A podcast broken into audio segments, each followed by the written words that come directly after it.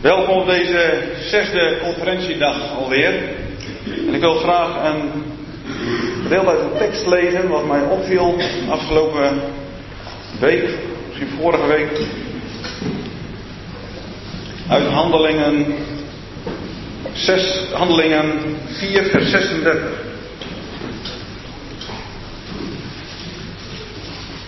Stimmt es mit die uh, mit die Übersetzung?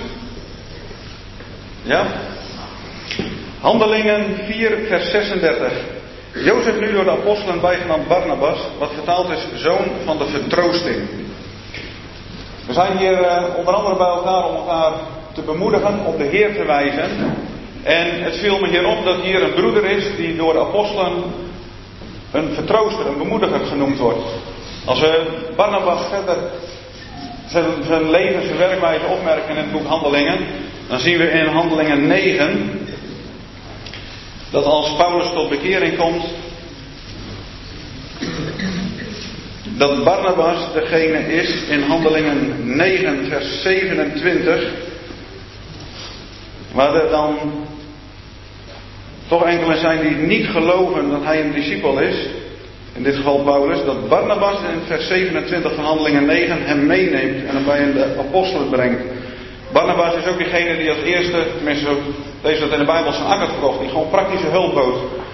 En ook als we denken aan het werk van de Heer, wat er in Antiochië gebeurde in Handelingen 11, dan is het ook weer Barnabas die daar op zoek gaat naar Paulus in Handelingen 11. En Paulus meeneemt naar Antiochië en daar ook praktische dienst verleent.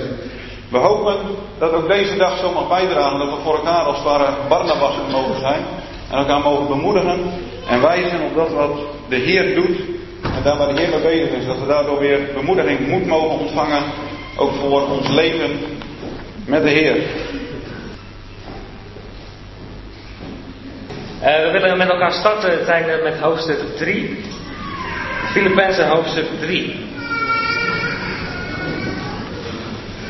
In een van de gebeden, uh, volgens mij onze broeder Mugen, uh, die gaf in een gebed aan dat in heel veel landen in de Arabische wereld er heel veel mensen tot geloof komen. En tijdens de voorbereiding van dit hoofdstuk, uh, omdat het een goede gewoonte is om iets samen te vatten wat de afgelopen keer gezegd is, moest ik denken aan een artikel dat ik eind vorig jaar las. En dan zit hij op de PowerPoint, ziet dat staan. En daar staat dat uh, de ongelovigen de gelovigen inhalen. Dat was de titel van dat artikel. En uh, we kunnen dus zeggen dat in Nederland die tendens dat mensen tot geloof komen, dat de Heer werkt in hart van mensen, dat het niet zo zichtbaar is in Nederland. Ik weet niet hoe dat in Duitsland is. Maar in Nederland is het zo dat op dit moment er meer ongelovigen zijn dan gelovigen. En dat zijn nog ineens mensen die echt de Heer kennen als onze heiland, zoals we gebeden hebben. Maar uh, het viel mij op en ik moest daar vooral aan denken toen ik het artikel nog een keer doorlas van de week. Vooral de verklaringen die daarvoor gegeven werden. En de verklaringen werden samengevat in twee woorden. Volgens de onderzoekers van dat, uh, van dat bureau. En het eerste woord was zelf. En het tweede woord was gevoel. En de kern eigenlijk van de verklaring was dat de moderne mens zichzelf als norm stelt en laat leiden door gevoel. En ik denk dat dat uh, belangrijk is om op ons te realiseren, ik denk dat heel veel van jullie dat vast wel eens van gehoord hebben, maar we gaan vandaag met elkaar nadenken dat het niet om onszelf gaat, maar dat het juist gaat als we de Heer Jezus kennen, dat we Hem centraal stellen en dat Hij uh, ons middelpunt is en niet wij zelf. Uh, wat ik ook opvallend vond, is dat volgens deze onderzoekers dit onder andere kwam door de technologische ontwikkelingen. Uh, op, mijn, op school waar ik werk, ik werk op een middelbare school, zie ik, uh, is het altijd een strijd, dat hebben we nu nog niet gehad, om aan het begin van de les alle mobiele telefoons weg te laten. Allemaal in de zak, uit. Ik hoop dat u dat ook allemaal gedaan heeft. Maar het is een hele strijd altijd iedere les. En uh, de onderzoekers zeiden vroeger bepaalde je dorp of je familie of je kerk wie je was. En op dit moment is het zo dat je in de sociale media zelf iemand kunt zijn, zonder de traditionele verbanden. En jezelf zijn en uniek zijn is de norm. En ik denk dat het belangrijk is om ons te realiseren dat we uh, in deze tijd leven, dat we in deze tijd studeren, dat in deze tijd we werken en dat in deze tijd ook onze gezinnen opgroeien. En dat dat haak staat op wat we vandaag met elkaar gaan bespreken. Hoe belangrijk is het dan ook, denk ik, zo'n dag als vandaag, dat we nadenken en willen gaan ontdekken, want ik denk dat hoofdstuk 3 daarover gaat. Welke kracht het leven van Christus eigenlijk bezit. En Paulus begint het hoofdstuk ook door te zeggen waar je niet op moet vertrouwen, vooral niet op jezelf. En gaat daarna uit de doeken doen waar je wel op zou moeten vertrouwen en hoe het leven wel uitziet. Uh, er wordt wel gezegd dat hoofdstuk 3 de sleutel voor het leven van en met Christus bevat. En hij mag wel naar de volgende PowerPoint. Ja. Met andere woorden, eigenlijk op welke manier wij allemaal het hemelsleven ons nu al eigen kunnen maken. Het hemelsleven hebben we vorige keer gezien, dat is Christus zelf. En los van de praktijk, die er echt wordt aan geschort, is dat denk ik toch iets dat we allemaal, dat we allemaal wensen. En hoe mooi zou het zijn als we vandaag, hebben we voor gebeten, dat echt mogen beleven, opnieuw mogen gaan zien en dat we dat ook mogen uitstralen naar onze omgeving. Een korte terugblik van de vorige keer. Dan ziet u op het scherm staan, maar de brief is geschreven vanuit de gevangenis. Door Paulus. En de vorige keer hebben we gezien dat de brief bezorgd was door Epaphroditus of Epaphroditus. De broeders werden het er niet helemaal over eens hoe hij het uitsprak. Dat hoorde ik nog. Maar dat is een detail. Epaphroditus. En het is ook wel een bedankbrief. Ook een bemoedigingsbrief. En de brief van de christelijke ervaring wordt het ook wel genoemd. Mag hij naar de volgende dia?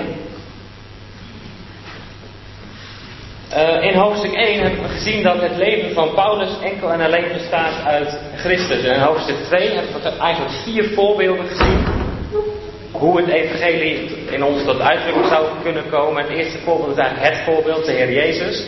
En het tweede voorbeeld hebben we het voorbeeld van Paulus gezien als navolger van de Heer Jezus. Vorige conferentie hebben we het gehad over twee andere voorbeelden, uitdrukkingen van het evangelie. Het eerste voorbeeld van Timotheus als voorbeeld van dienstbetoon. En het tweede voorbeeld van Epaphroditus, voorbeeld van het lijden voor de Heer. Hoofdstuk 3 gaat eigenlijk hierover om te ontdekken, in ieder geval dat is wat ik eruit gehaald heb, welke kracht het leven van Christus bezit. En Rob van Etten bad er al voor, zo, zojuist. Uh, die tekst, even op de volgende dia staat die denk ik. Oh nee, daar komen zo op. Ja, mag naar de volgende dia, ja.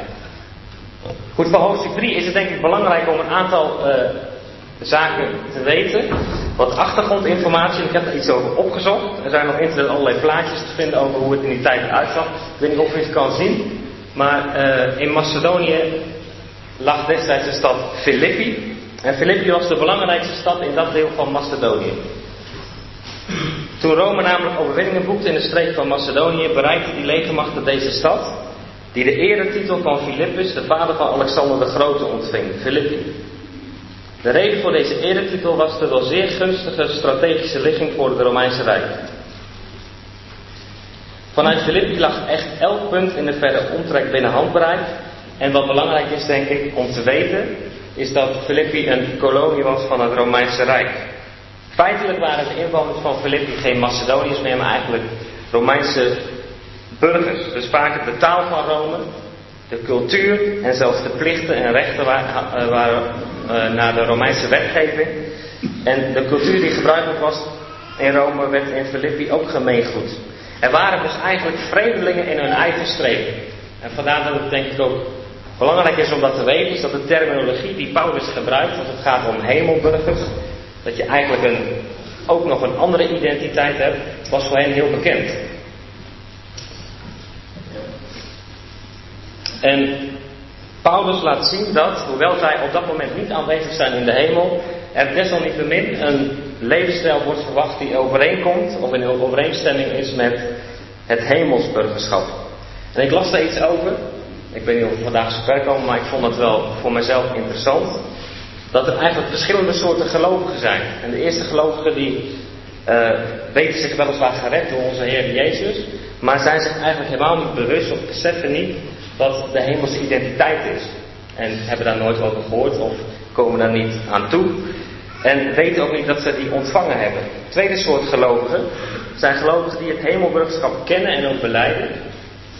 Maar eh, waarvan het niet lukt om die te integreren in eh, de, alle de praktijk van alle dag. Het kan door zorgen zijn of het kan door andere zaken zijn, waarbij je dus niet toekomt aan het praktisch leven met de Heer. En ik denk dat vandaag er een heel belangrijk gedeelte behandeld wordt.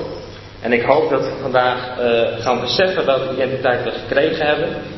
En ook uh, eraan toekomen om met elkaar te spreken over, maar hoe doe je dat dan nu eigenlijk? Ik denk dat dat een heel belangrijke vraag is. Hoe is ons leven met de Heer eigenlijk praktisch in, in alle dag? Goed, uh, kan u naar het volgende? Ja, heb ik eigenlijk al gezegd. De Filippiërs waren dus vreemdelingen in hun eigen streek. Het was eigenlijk een Romeinse kolonie, een Romeinse stad. En Paulus wijst nu op het hemels burgerschap en op een hemelse identiteit. Volgens mij is er nog één dia. Ja, onderwerpen van vandaag.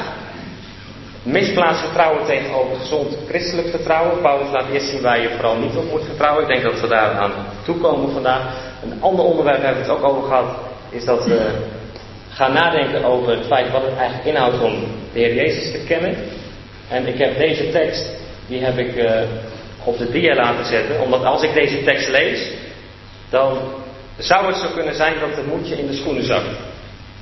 Want hier staan behoorlijk wat uh, ja, elementen van het christelijk leven die Paulus opzomt. Hij wil de Heer Jezus kennen, de kracht van zijn opstanding, de gemeenschap met zijn lijden, doordat ik aan zijn dood gelijkvormig word, om hoe dan ook te komen tot de opstanding van de doden. En ik weet niet hoe het u vergaat als u dit leest, maar ik vind het heel lastig om voor mijzelf nou te zien wat betekent dit voor mijzelf en hoe kom ik daar eigenlijk toe. En soms lijkt dat een brug te ver.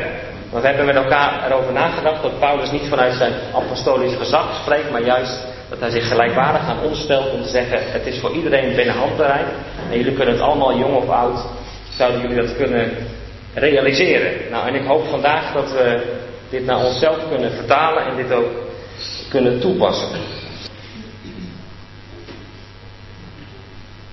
Filippenzen hoofdstuk 3.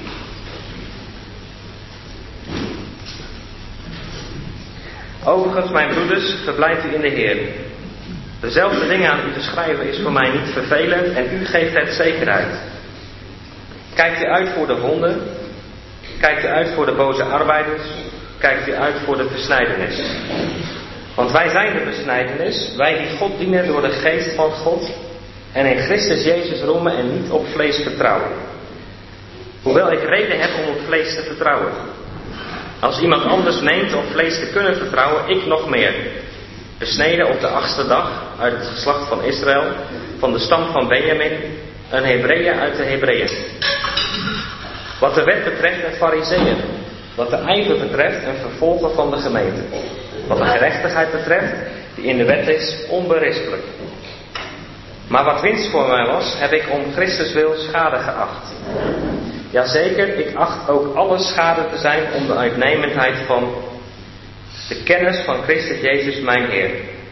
Om wie ik de schade van alles heb geleden en het als vuilnis acht, opdat ik Christus mag winnen en in hem bevonden word. Niet in bezit van mijn gerechtigheid die uit de wet is, maar van die welke door het geloof in Christus is, de gerechtigheid die uit God is. Gegrond op het geloof om Hem te kennen en de kracht van Zijn opstanding en de gemeenschap aan Zijn lijden, terwijl ik aan Zijn dood gelijkvormig word, om hoe dan ook te komen tot de opstanding uit de doden.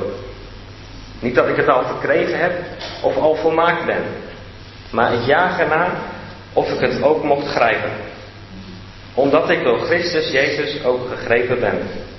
Broeders, ik houd het er niet voor het zelf gegrepen te hebben, maar één ding doe ik, Terwijl ik vergeet wat achter is en mij uitstrek naar wat voor is, jaag ik in de richting van het doel naar de prijs van de hemelse roeping van God in Christus Jezus.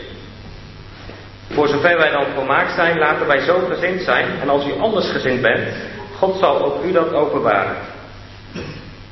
Waartoe wij echter gekomen zijn, laten wij in hetzelfde spoor verder wandelen. Wees samen mijn navolgers, broeders, en ziet op hen die zo wandelen als u ons tot voorbeeld hebt. Want velen wandelen, van wie ik u dikwijls heb gezegd en u ook wenend zeg, dat zij de vijanden van het kruis van Christus zijn. Hun einde is het verderf, hun God is de buik. en hun heerlijkheid is in hun schande. Zij bedenken de aardse dingen. Want ons burgerschap is in de hemelen, waaruit wij ook de Heer Jezus Christus als heiland verwachten, die het lichaam van onze vernedering zal veranderen tot gelijkvormigheid aan het lichaam van zijn heerlijkheid. Naar de werking van de macht die hij heeft om ook alles aan zich te onderwerpen. We hebben een overzicht gehad van de vorige hoofdstukken en dus ook van hoofdstuk 2. En we hebben gezien dat de apostel dat hoofdstuk besluit met opmerkingen over twee mannen aan wie de gelovigen een voorbeeld kunnen nemen. En aan het eind geeft hij zelfs nog een kleine hint hoe ook zij zelf het beter hadden kunnen doen. Omdat daar wordt gezegd dat er een broeder geweest is die zijn leven heeft gewaagd, hoofdstuk 2, vers 30, om aan te vullen wat aan uw dienstbetoon jegens mij ontbrak. En het is, is alsof Paulus toen gedacht heeft, als ik dat geschreven heb, dan zal men wel even een beetje bedrukt kijken van, tja, dat is toch wel een klein minpuntje dat nog even ons onder de neus wordt gevreven. Maar Paulus wil niet dat dat de strekking van die samenkomst gaat worden. En hij schrijft daarom aan het begin van hoofdstuk 3, overigens, mijn broeders, hij laat zien dat de relatie eh, wat hem betreft 100% overeind blijft. Verblijd u in de Heer, dus niet in die genoemde dienstknechten die het er zo goed afgebracht hebben, maar uiteindelijk in de Heer. Dat moet degene zijn waar hun blijdschap in te vinden is. En over die blijdschap heeft hij al een flink aantal keren in het voorafgaande gesproken en het komt ook verder nog voor. En daarom zijn er uitleggers die denken dat als Paulus nu gaat zeggen dezelfde dingen aan u te schrijven is voor mij niet vervelend en u geeft het zekerheid, dat dat slaat op het vele keren spreken over blijdschap en blijdschap in de Heer. Ja, als iemand dat denkt, ik kan het iemand niet uh, uh, afnemen, die vrijheid om dat te denken, maar toch lijkt het mij persoonlijk sterk dat de apostel over zoiets het zich verblijden in de Heer en daar regelmatig op wijzen. Dat Paulus daarop zou doen als hij zegt: dezelfde dingen aan u te schrijven is voor mij niet vervelend. Je zou kunnen zeggen dat is een understatement. Paulus bedoelt daarmee te zeggen dat vind ik juist fantastisch. Maar alleen al de keuze van het woord niet vervelend. Ik zou het merkwaardig vinden als ik Paulus dat ooit kan vragen. Ik heb, een heel lijstje met vragen die ooit nog eens de apostel hoop te stellen. Misschien gaat het allemaal heel anders en, en snap je dan gelijk alles. Maar dit zou typisch zoiets zijn waarvan ik zou willen weten, bedoelde u dat nou of het vervolg?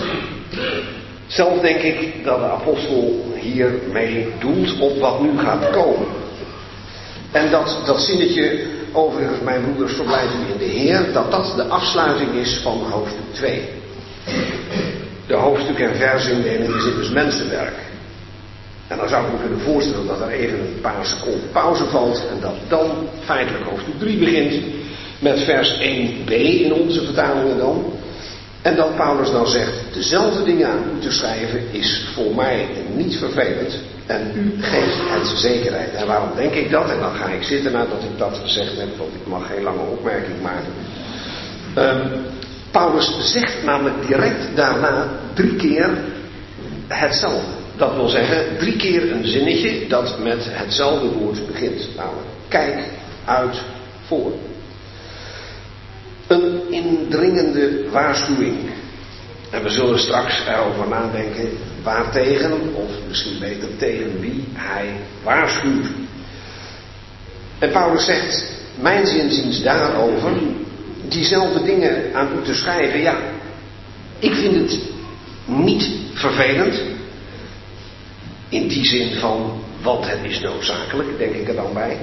En voor jullie geeft dat zekerheid, veiligheid. Je kunt het woord zekerheid ook vertalen met veiligheid. En juist omdat hij dat woord gebruikt, veiligheid, denk ik dat we aan het waarschuwende begin van dit gedeelte moeten denken. Als Paulus schrijft, dezelfde dingen aan u te schrijven is voor mij niet vervelend en u geeft het zekerheid. En dan volgt datgene waar Paulus tegen waarschuwt en de zekerheid die hij de gelovigen door die waarschuwingen geeft en door daar Christus tegenover te stellen. Ons kennen is in delen. Dat wil zeggen, als we zo met elkaar nadenken over dit gedeelte, dan, is het toch tastend, nadenken, biddend, Heer, wat, uh, wat wilt u tot mij hiermee zeggen? Want, ja, ik zeg dat omdat ik uh, zelf geneigd ben om uh, vers 1 toch in hoofdstuk 3 vooral te betrekken. En wel om de volgende reden.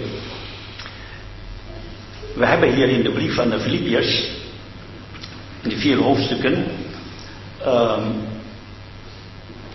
vier belangrijke thema's allemaal in verbinding met de Heer Jezus. Dat hebben we al een beetje gezien. Als ik een, uh, als ik een titel zou willen geven aan elk hoofdstuk, dan is dat in hoofdstuk 1, vers 21 voor mij, is het leven Christus. Daar gaat het op in hoofdstuk 1. En dan in hoofdstuk 2, als ik een thema zou, zou willen onderstrepen in hoofdstuk 2, dan is dat die gezindheid zij in u die ook in Christus Jezus was. Het voorbeeld van de Heer Jezus en die aanmoediging gevolgd door het voorbeeld van de Heer Jezus en zoals we gezien hebben van Paulus, Timotheus en Epaphroditus. En dan in hoofdstuk 3, dan zou ik als hoofdlijn, als thema van het hele hoofdstuk, toch vers 1 nemen. Verblijft u in de Heer. Dat zou ik toch als, als, als, als thema willen zien van het hele hoofdstuk.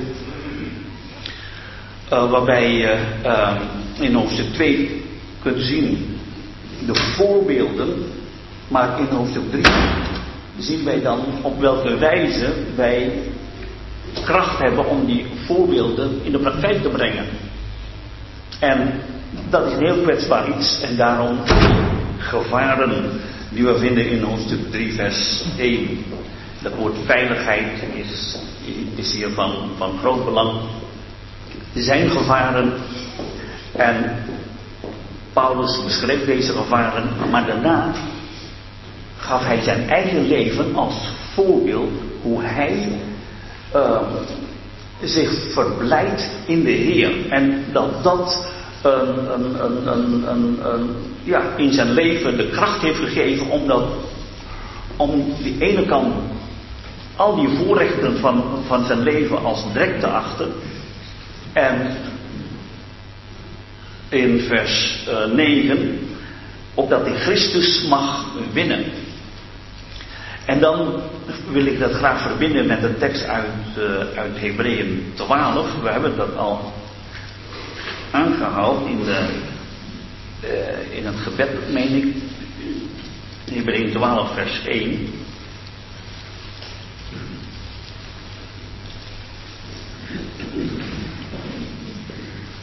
We hebben het wel aangehaald in verbinding met de Jezus. Hoofdstuk 12, vers 2. Terwijl wij zien op Jezus, de hoogste leidsman en volleinder van het geloof, die om de vreugde die voor hem lag, het kruis heeft verdragen en de schande heeft veracht en is gaan zitten aan de rechterzijde van de troon van God. Want aanschouwt hem, die zulke tegenspraak van de zondaars tegen zich heeft verdragen, opdat gij niet moe wordt en in uw zielen bezwijkt. Wat zegt deze, deze twee versen? Wat zeggen deze twee versen? Zelfs bij de Heer Jezus was het zo als mens dat hij kracht heeft ontvangen om het kruis te verdragen en de schande te verachten door te kijken naar de vreugde die voor hem lag. Dat gaf hem kracht om door te gaan. De blijdschap dat de Heer, dat God verheerlijk zal worden en de blijdschap dat zondaren gered zouden worden. Maar dat is een voorbeeld voor ons. Ook wij mogen in die weg nu gaan. En wij zien nu de Heer Jezus die reeds daar gekomen is. En hij, de overste leidsman en voleinder van het geloof, die het doel heeft bereikt. Hij is voor ons de vreugde. En dat, als we kijken naar hem, geeft ons kracht om hier op aarde door te zetten. Uithoudingsvermogen. En dat zegt vers 3, opdat gij niet moe wordt en in uw zielen bezwijkt. Dus een sleutel om dat te doen wat we moeten doen. En dat is het, hetzelfde geldt in Filippi 3. We hebben de voorbeelden in Filippi 2 gezien. We hebben toen nagedacht, maar dat lijkt te hoog gegrepen, hoofdstuk 2. De gezindheid van de Heer Jezus. Hoe zou ik dat kunnen bereiken? Dat is toch. Hij is toch de zoon van God. Hoe kan ik dat nou. ik kan toch niet met hem meten. Hij als voorbeeld. Maar dan zegt Paulus, ja. Kijk naar mij. Zijn voorbeeld. En dan kunnen we nog zeggen. Paulus. Maar dat is de grote apostel. De volgende voorbeeld Timotheus, maar ja, dat is die, ja, de, de beste leerling, of ja, de, de metgezel van de, de grote apostel. En dan komt Paulus met een vierde voorbeeld. Eén van jullie, zegt Paulus, komt uit Filippi zelf, Epaphroditus. Ook die heeft die gezindheid laten zien. En dan komt in hoofdstuk 3 de Filippiërs aan de beurt. Hoe kunnen wij Filippiërs en hoe kunnen wij als broeders en zusters die gezindheid vertonen? En het antwoord is door ons te verblijden in Christus. En dan verblijden in de Heer. En dan is dat met nadruk hier de Heer Jezus, zoals Hebreeën 12, vers 2 zegt, die het eindpunt heeft bereikt. Overste leidsman en voleinder van het geloof. Hij die nu verheerlijk is in de hemel. In hoofdstuk 2 gaat dat in het bijzonder om de Heer Jezus zoals hij toen op aarde was. Zijn gezindheid is een voorbeeld voor ons. Maar nu mogen we kijken naar de Heer Jezus. Hij die voor ons bidt in de hemel. Hij die het einddoel heeft bereikt. Hij is de bron van kracht, die vreugde om straks bij hem te zijn. Om dan hem oog in oog te mogen zien, dat is de kracht om hier op aarde kruis te verdragen en de smaad te verachten. Dus in die zin wil ik dat graag, graag mee verbinden, maar dat is een heel kwetsbaar iets. En daarom, daarom in vers 1, dat Paulus zegt, dat is toch dat verblijden, je verblijden in de Heer. Niet alleen in, zoals in hoofdstuk 1 en 2, in alle mogelijke omstandigheden, maar los van alle omstandigheden, kijken naar de Heer Jezus in de hemel. Dat is toch het geheim van de kracht van het christelijk leven. Om uh, de lijst af te maken, hoofdstuk 4, maar dat komt uh, DV over uh, enkele jaren, dan gaat het om hoofdstuk 4, vers 13. Ik vermag alle dingen in Hem die mij kracht geeft. Dan is dat de praktijk voor ons, de praktijk van elke dag. Dit hoofdstuk is in die zin goed ingedeeld. Wij vinden hier, in tegenstelling tot hoofdstuk 2, Christus in heerlijkheid. In hoofdstuk 2 zagen wij Christus in zijn vernedering op aarde. Maar hier in dit hoofdstuk wordt hij ons voorgesteld als de man in de heerlijkheid. En dan komt ons tweede punt. Wat heeft dat voor consequenties? Niet leerstellig alleen, maar voor onze praktijk. Wat betekent dat dat de Heer in vernedering hier op aarde was? Dat wij als een nieuw mensengeslacht tot verheerlijking van God deze gezindheid van de Heer Jezus moeten hebben. Deze gezindheid zij in u. Maar wat betekent dat voor mij dat Hij nu de heerlijkheid is? Dat onze harten en de ogen van onze harten alleen gevuld moeten zijn met deze heerlijke persoon. En als dat zo is, dan hebben wij de kracht, dat hebben we net gehoord, deze gezindheid van hoofdstuk 2 te openbaren. Deze twee hoofdstukken gewoon bij elkaar. Hoofdstuk 2 geeft ons de gezindheid en hoofdstuk 3 de kracht hoe wij deze gezindheid kunnen in de praktijk zetten. Maar in Gods ogen, dan heeft hij hoofdstuk 2 voorgezet. Wij zullen altijd beginnen met kracht. Maar voor God is de gezindheid belangrijker dan kracht. Je kunt het in Marcus 6 lezen, maar ik wil niet over ingaan. Een mooi voorbeeld is Stefanus. Hij ziet de heerlijkheid des Heeren. Hij ziet de Zoon des Mensen in heerlijkheid aan de rechterhand van God staan. En wat gebeurt met hem? Hij wordt veranderd in zijn gezindheid. Hij gaat bidden voor zijn vijanden. Hij openbaart in dit moment, als de stenen op hem afkwamen, de gezindheid van de Heer in de heerlijkheid die hij zag. Hier water. Maar er zijn drie machtblokken die het willen verhinderen dat bij deze gezindheid echt openbaren of deze heerlijkheid voor open houdt. En dat wordt hier in het hoofdstuk genoemd. Drie machtblokken zijn er die ons de genot en de zegen van een hemelse Christus willen roven. Het eerste is, daar zullen we op ingaan, in vers 2, kijk uit. En er worden drie dingen genoemd, honden, boze arbeiders. Er zijn judaïserende leraars die van buiten kwamen en hun dodelijke invloed wilden uitvoeren. Daar tegenover gaat hij als geneesmiddel plaatsen, maar wij zijn de besnijdenis. Dan heb je het tweede probleem waar we mee zitten, en daar wordt het al veel langer over gehad. Dat is ons eigen ik, onszelf, ons godsdienstig vlees. Daar gaat uh, Paulus in vers 4 tot en met 6 over hebben.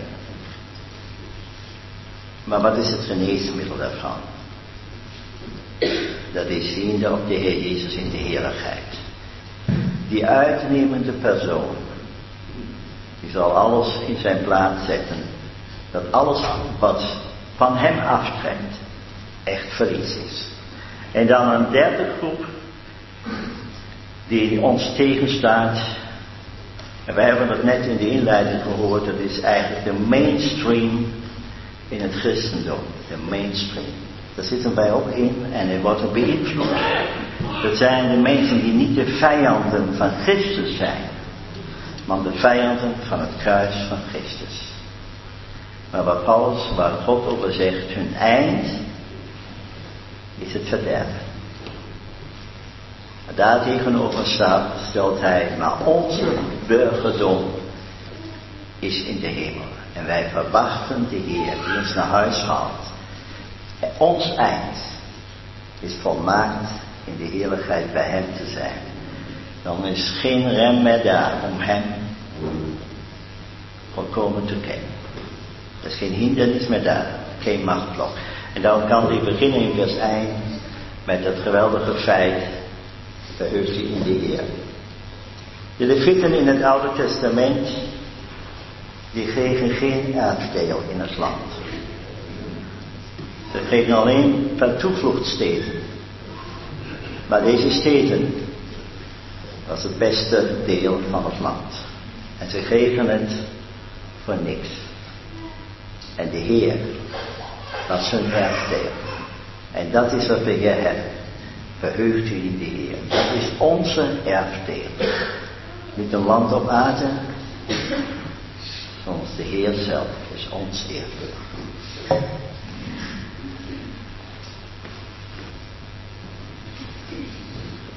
Im Alten Testament lesen wir, die Freude am Herrn ist unsere Stärke. In het Oude Testament lezen we, de blijdschap in de Heer, die is uw sterkte. Die Freude ist etwas sehr Wichtiges im Leben von Christen. De blijdschap die is heel belangrijk in het leven van de christen. Ich möchte einen Vers dazu lesen, der steht im ersten Johannesbrief. Ik wil daarover een vers lezen, dat staat in de eerste brief van Johannes.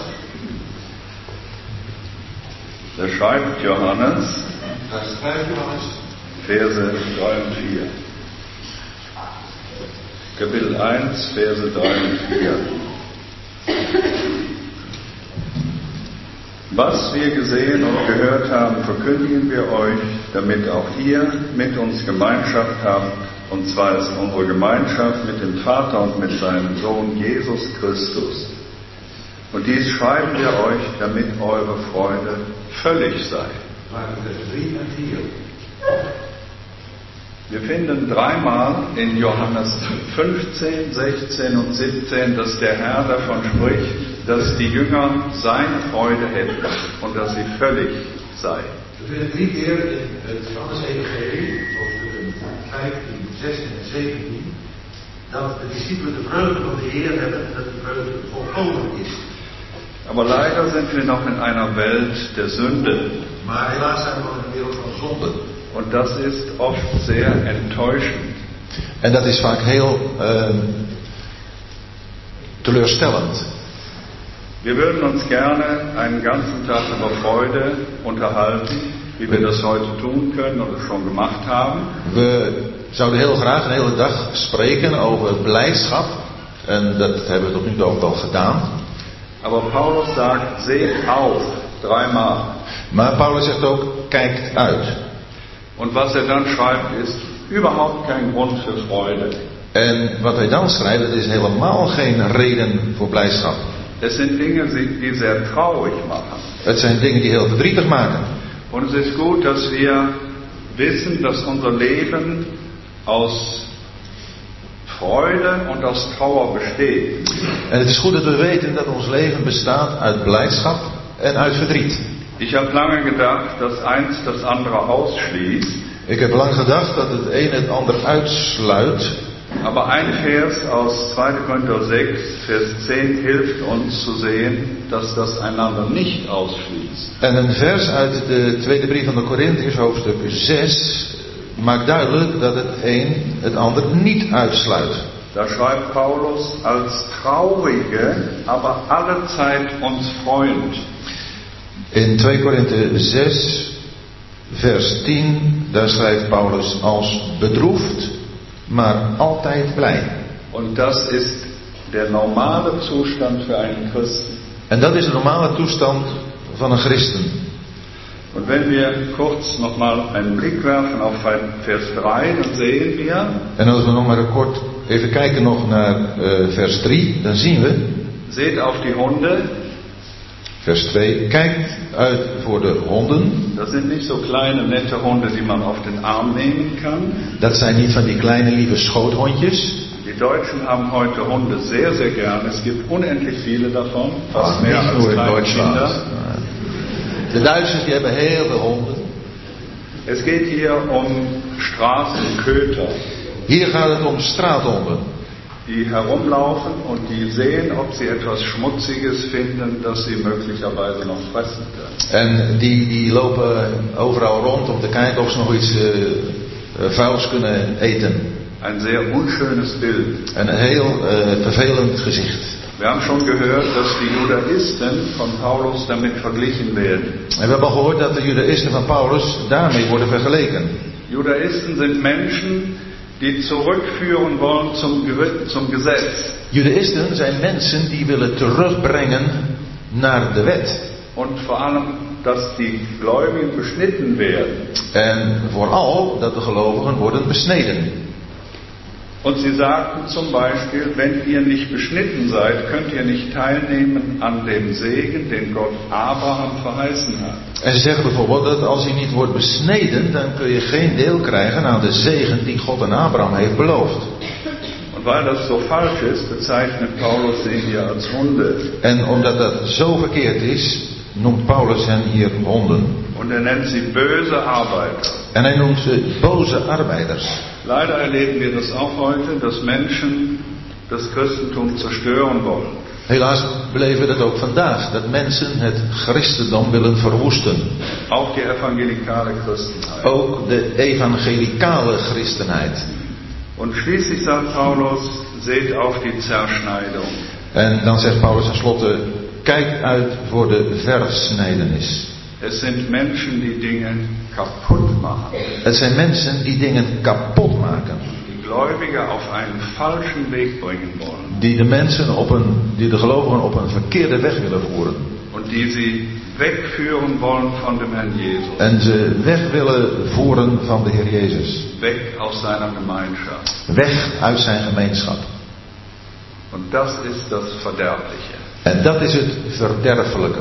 Und wenn sie Erfolg, ha Erfolg haben, zerstören sie jede Freude. En als ze succes hebben, dan verwoesten ze elke vreugde. Darum ist das für uns so wichtig, dass wir uns mit dem verherrlichten Herrn beschäftigen, Freude daran haben. Daarom is het belangrijk dat we ons bezighouden met de verheerlijkte Heer. Dat we daar onze blijdschap in hebben. Dabei hilft uns dieses Kapitel. En daar helpt dit hoofdstuk ons bij.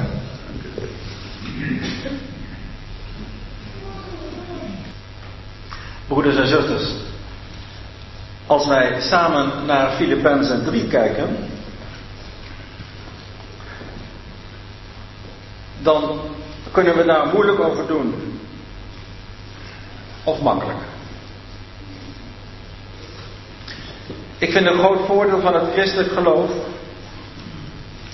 dat het heel makkelijk is. Want alles staat en valt met ons geloof in de Heer Jezus. Het is ook heel fijn dat er heel veel diepgangen mogelijk zijn. Maar we moeten uitkijken dat we in de diepgangen niet verdwalen. En daarom heeft de Filippense brief van mij ook iets van een vluchtheuvelbrief. De vluchtheuvels zijn de oproepen van Paulus om ons in de Heer te verblijden. En we hebben net gehoord hoe het mogelijk is dat iemand en bedroefd kan zijn en toch ook blij. En in hoofdstuk 2, vers 28 lazen we dat ook al, waar Paulus schrijft, opdat ik die droefheid op droefheid zou hebben. En als je zo'n tekst leest, dan kan je je afvragen hoe is het mogelijk eigenlijk dat iemand die de christenen steeds de vluchtheuvel van de blijdschap voor ogen schildert, vanuit de situatie spreekt dat hij droefheid op droefheid heeft. En dat maakt de brief eigenlijk ontzettend menselijk. Daarmee voelen wij ons heel erg verwant. En komt de brief op een heel menselijk niveau binnen. En kunnen we het ook begrijpen. En hoe vaak kunnen wij in ons eigen leven niet een droefheid ervaren. En als je dan kijkt naar de vluchtheuvel die Paulus ons op meerdere plaatsen in de brief voor de aandacht stelt, dan praat hij, en dat hebben we al overdag aan het begin, vanuit de gevangenis. Een plek om bedroefd te worden. Maar hij ziet ook dat het feit dat hij daar zit geleid heeft tot een evangelieverkondiging in het pretorium en dat er vele broeders en zusters zijn geboren door zijn gevangenschap. Een moment van verblijden. Maar dat neemt niet weg dat er toch een droefheid is. Een droefheid ook dat hij misschien lang heeft moeten wachten op een teken van leven uit Filippi. Een droefheid. Een droefheid dat een christenbroeder ook ziek kan worden, de dood nabij. Een droefheid. Een droefheid als hij om zich heen kijkt naar de intenties waarmee het evangelie wordt verkondigd in hoofdstuk 1. Waar, waar hij zich bij neerlegt. Een droefheid over de mainstream in het christendom. Waarover we net hebben nagedacht. Misschien een droefheid als hij terugkijkt op zijn eigen leven. Maar dan houdt hij ons steeds weer voor die vluchtheuvel van de blijdschap in de Heer. Maar er zit ook een mysterie in. Want het is niet zoiets dat ik denk van nou, ik ga vanmorgen mij eens in de Heer verblijden. Dan ben ik een soort instante blijdschap die van boven neerdaalt.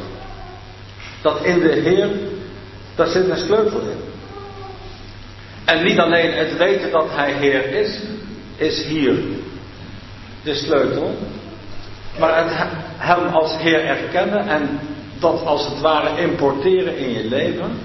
En dat maakt het eigenlijk tot een hele simpele brief. Want de sleutel van deze brief zit niet zozeer in de kennis van alle hoofdstukken en de kennis van alle versen en de kennis van de samenhang van de versen met allerlei andere versen, maar die zit heel simpel in Heer. En dat kan iedereen begrijpen. Want als je Hem in je hart als Heer erkent en ook Hem in dat opzicht gehoorzaam bent, dan geeft Hij die blijdschap. En dat is een mysterieuze blijdschap. Dat is een hemelse blijdschap en dat is een vluchtheuvel hier op aarde. Ook al gaat er aan de linkerkant van alles mis en gaat er aan de rechterkant van alles mis. En behalve die blijdschap die steeds weer als een vluchtheuvel in die brief naar boven komt. Je zou kunnen denken aan de Westerschelde als het laag water is en de zandbanken komen boven. Dan zijn dat als het ware de vluchtheuvels van de blijdschap. En dat houdt Paulus ons steeds voor ogen. Maar daarnaast heb je ook zijn focus. Zijn focus hier op aarde naar de kracht van zijn opstanding. En vers 10. En die focus, die heeft Paulus voor ogen. En die kracht van zijn opstanding, die staat eerst. En daarna pas de gemeenschap aan zijn lijden. Er staat niet eerst de gemeenschap aan zijn lijden en dan de kracht van zijn opstanding, maar eerst de kracht van zijn opstanding. En die kracht van zijn opstanding is een geweldig grote kracht. Want God heeft hem uit de doden opgewekt en hij zelf had ook macht om uit de doden op te staan. We hoeven daar nu niet uitvoerig bij stil te staan, maar het gaat me even op dat patroon dat ik zo voor me zie. Dat Paulus vanuit de Heer die vluchtheuvel van de blijdschap ons aanreikt. En aan de andere kant die focus geeft op de kracht van zijn opstanding. En in het gedeelte van hoofdstuk 3 vers 1 tot hoofdstuk 3 vers 10 zien we Paulus die op zichzelf en zijn eigen leven terugblikt en in vers 4 en 5 ingaat hoe hij op het vlees zou kunnen vertrouwen. En dan zegt hij eigenlijk, er zijn een aantal dingen die zijn mij overkomen. Die heb ik van geboorte meegekregen, zoals we hier allemaal uit een bepaalde familie afkomstig zijn en allemaal vanaf geboorte dingen meegekregen hebben. Daar kunnen we niks aan doen. Want als hij op de achtste dag besneden is, dat heeft hij wel meegemaakt, maar hij heeft daar niet actief aan deelgenomen. En dat hij uit het geslacht van Israël was, dat heeft hij wel ervaren, maar hij heeft er zelf weinig aan kunnen doen. En dat hij uit de stam van Benjamin kwam, daar heeft hij nog veel minder aan kunnen doen. En zo zien we in deze brief ook iets van hoe God eigenlijk bezig is met mensen vanaf hun jeugd. God is ons aan het voorbereiden voor zijn dienst. God is van jongs af aan met ons bezig.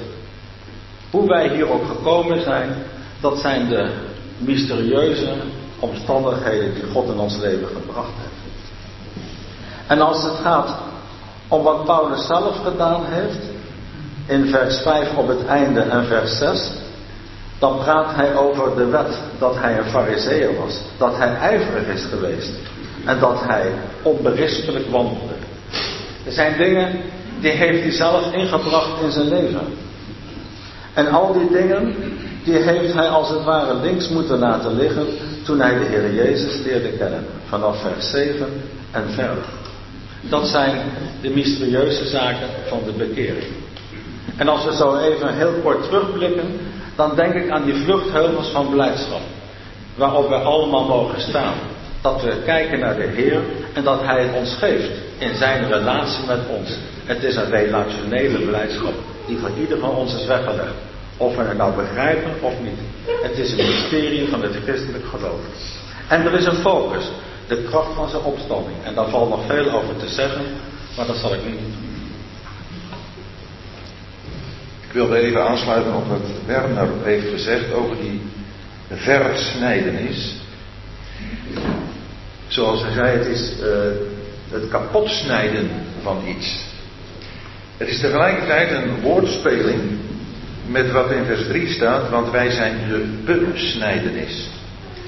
De besnijdenis was in Israël een letterlijke aangelegenheid. Voor ons heeft het een geestelijke betekenis, die besnijdenis. Dat lezen we in de brief aan de Romeinen.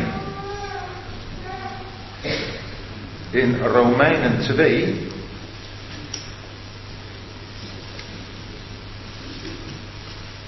De versen 26, eh, versen 28 en 29. Want niet hij is een Jood die het uiterlijk is, en niet dat is de besnijdenis die iets uiterlijks is in het vlees, maar hij is een Jood die het in het verborgen is, en dat is besnijdenis die van het hart naar de geest, niet naar de letter. Zijn loop is niet van mensen, maar van God. De besnijdenis stelt het oordeel over het vlees voor. Het oordeel dat Christus heeft gedragen op het kruis. Zo lezen we dat in de brief van de Kolossers. Kolosse 2, vers 11. In hem bent u ook besneden met een besnijdenis niet met handen verricht in het uittrekken van het lichaam, van het vlees, in de besnijdenis van Christus, met hem begraven in de dood. De besnijdenis van Christus betekent dat hij het oordeel van God heeft gedragen over de zonden van een ieder die in hem gelooft. De besnijdenis, en Colosse 2 vers 11 wordt in de reformatorische wereld nogal uitgelegd in de zin van uh, daar is de doop voor in de plaats gekomen. Dat is natuurlijk onzin, als je goed leest. Want de doop, als je dat ermee verbindt, want dat volgt dan op de besnijdenis, volgt op het oordeel.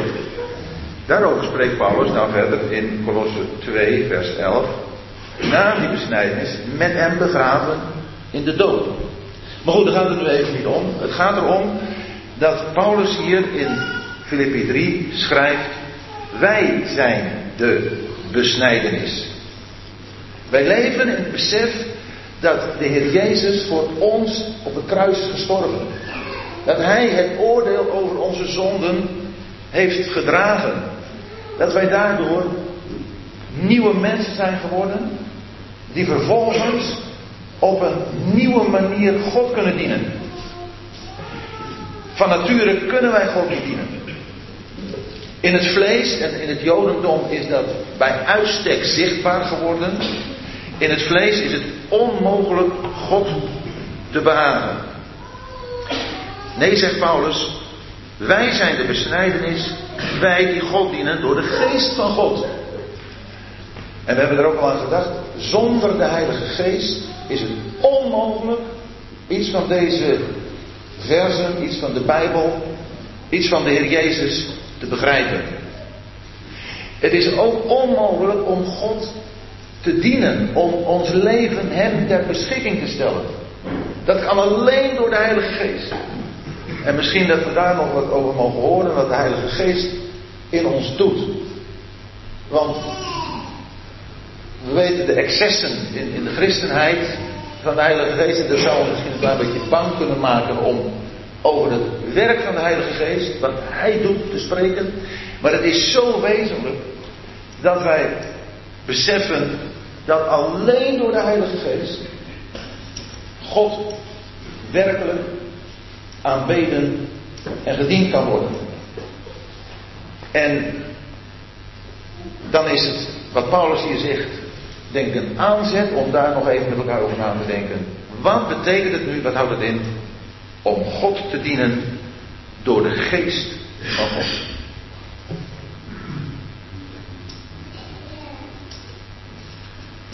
Wie heeft een mond? Vingers? Handen? Durven jullie niet? Niemand, niemand ooit een hond gehad? Dat zijn er weinig. Die kijken uit voor die buitenhond. Ik, uh, ik ben een hondenman, ik heb, ik heb nooit een hond gehad. Uh, in het begin van onze vrouw had mijn uh, schoonvader een hond, een politiehond. Ik ben vaak met hem mee geweest op zaterdag. Ik heb bont en blauw gezien, dat ik in mijn armen Peter was. Ik had wel zo'n pak aan, maar die tanden die gaan er toch doorheen. Een hond. Kijk uit voor de honden. De eerste keer dat je de hond vindt in de Bijbel is in uh, Exodus. Dat is bij het vertrek van de Israëlieten. Dan vind je honden. Dat de honden zich niet mogen roeren tegen de Israëlieten die vertrekken. Is altijd een mooi principe dat uh, de eerste keer wanneer, iets genoemd wordt in de Bijbel, dat je het karakter vindt. En de honden roeren hun mond. Dan waren wij van de week in La Palma. En dan begint dat bovenaan die berg, beginnen die honden te blaffen. En dan gaat dat, dat daalt als van af naar beneden toe. En al die honden die zitten dan te blaffen, die roeren monden. Zo zijn er ook tegenwoordig vele die hun mond roeren. En iedereen heeft wel wat te zeggen. En iedereen heeft wel een boek te schrijven. Het gaat er niet om maar waarom? Maar iedereen heeft tegenwoordig wel iets te zeggen. We hebben het over het zelf. Het zelf. En het gaat voor ons om dat wij de waarschuwing kijken uit voor de honden. Honden, de mainstream. Kennelijk hier dus niet. Misschien zijn er kattenliefhebbers niet. Ik vraag niet weer om handen, maar het gaat om die honden. Honden roeren hun mond. Honden keren terug naar hun eigen uitbraaksel. Honden omsingelen van 22. Honden verscheuren. Honden kunnen niet verscheuren alleen. Op zichzelf. Honden hebben geen klauwen. Ze kunnen hun prooi niet vasthouden. Honden doen dat samen. Honden komen in roedels, in groepen. Mogen wij van leren. Dat we gauw geneigd zijn om groepen te vormen. Groepen vormen vaak een, ja, een nadelige eigenschap. Dat ze samen gaan werken. Roedels gaan vormen.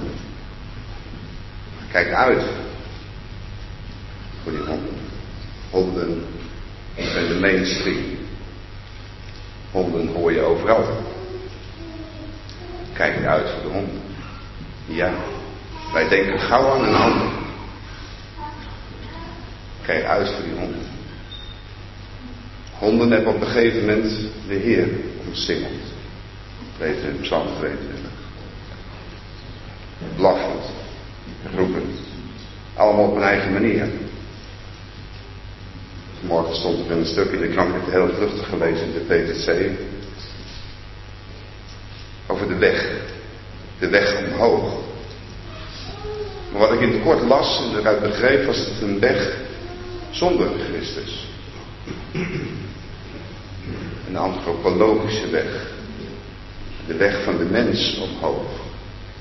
Waarbij de Heer Jezus in zijn, op een gegeven moment in plaats in dat artikel kreeg.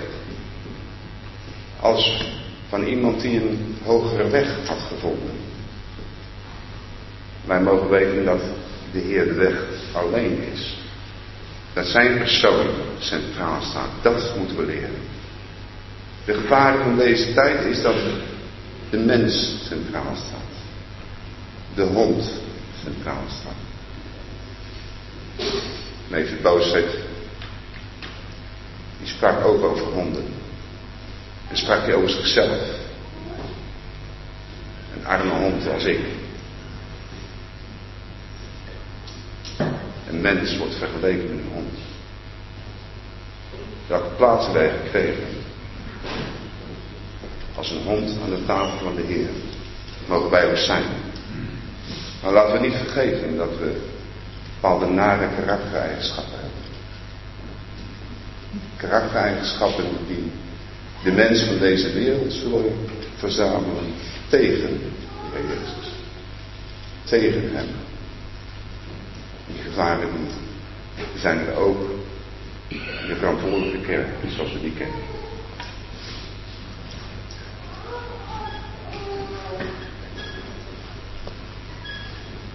We merken dat er allerlei soorten opmerkingen worden gemaakt op zo'n conferentie als deze. En dat gaat gewoon heerlijk door elkaar. Meditatieve opmerkingen, praktische opmerkingen. En zo om de zoveel tijd ook uitlegkundige opmerkingen. En juist bij die laatste is het belangrijk um, dat we goed argumenteren. En daar hebben we net ook een mooi voorbeeld van gehad.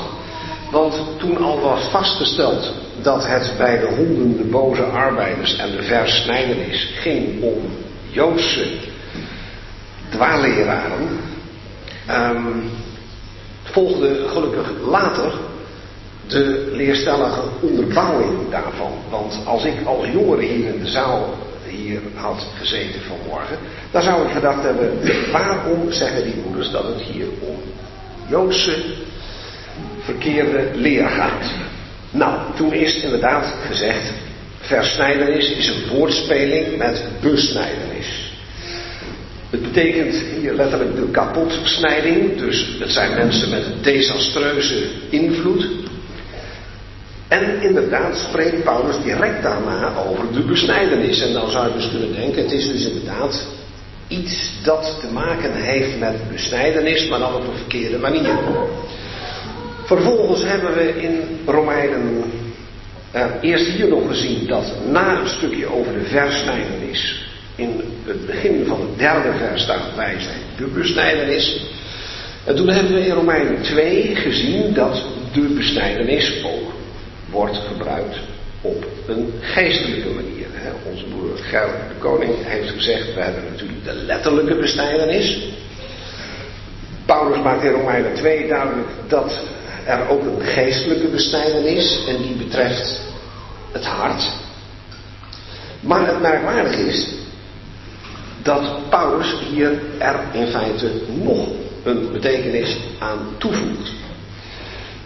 Hij zegt namelijk niet wij besnijden of wij passen de besnijdenis toe, maar dan op een geestelijke manier. Nee, hij zegt hier in Filippi 3, vers 3, wij zijn de besnijdenis. Dat gaat nog verder. In feite doet hij dat ook op een plaats die er niet direct mee in verband brengt. Uh, in Colosse 4, vers 11, eind van 10. Daar staat iets over het ontvangen van bepaalde broeders.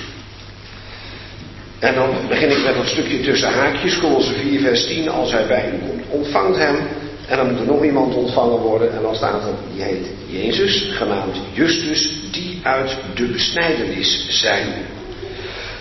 Daar wordt met de besnijdenis bedoeld het Jodendom. Dat er een link is tussen die twee, dat zal niet duidelijk zijn. Maar soms gaat het zo ver dat Paulus Joden aanduidt als mensen die uit de besnijdenis zijn. Die tot het Jodendom behoren. De besnijdenis staat dan voor het Jodendom. Maar als Paulus hier, we zijn nu terug in Filippi 3, zegt. Nadat hij eerst gesproken heeft over die verderfelijke invloed van die boze arbeiders. En hij duidt ze zo aan dat we snappen dat het om Joodse boze arbeiders gaat. Stelt hij daar tegenover, want niet zij, maar wij zijn de besnijdenis. En dan bedoelt hij het zo als al is uh, aangeduid in Romeinen 2. Wij zijn het ware volk van God. Wij die na het kruis leven. Die God dienen door de geest van God. En dan gaat hij verder en in Christus Jezus roemen en niet op vlees vertrouwen. En dat punt gaat hij daarna verder uitwerken. Joden leefden, en tot het kruis was dat in feite terecht, volgens rituelen. En daar hoorde ook de besnijdenis bij, hoewel ze in het Oude Testament reeds te horen kregen dat ze ook hun harten en hun oren moesten besnijden. Dus daar vinden we al een hint naar een geestelijke betekenis.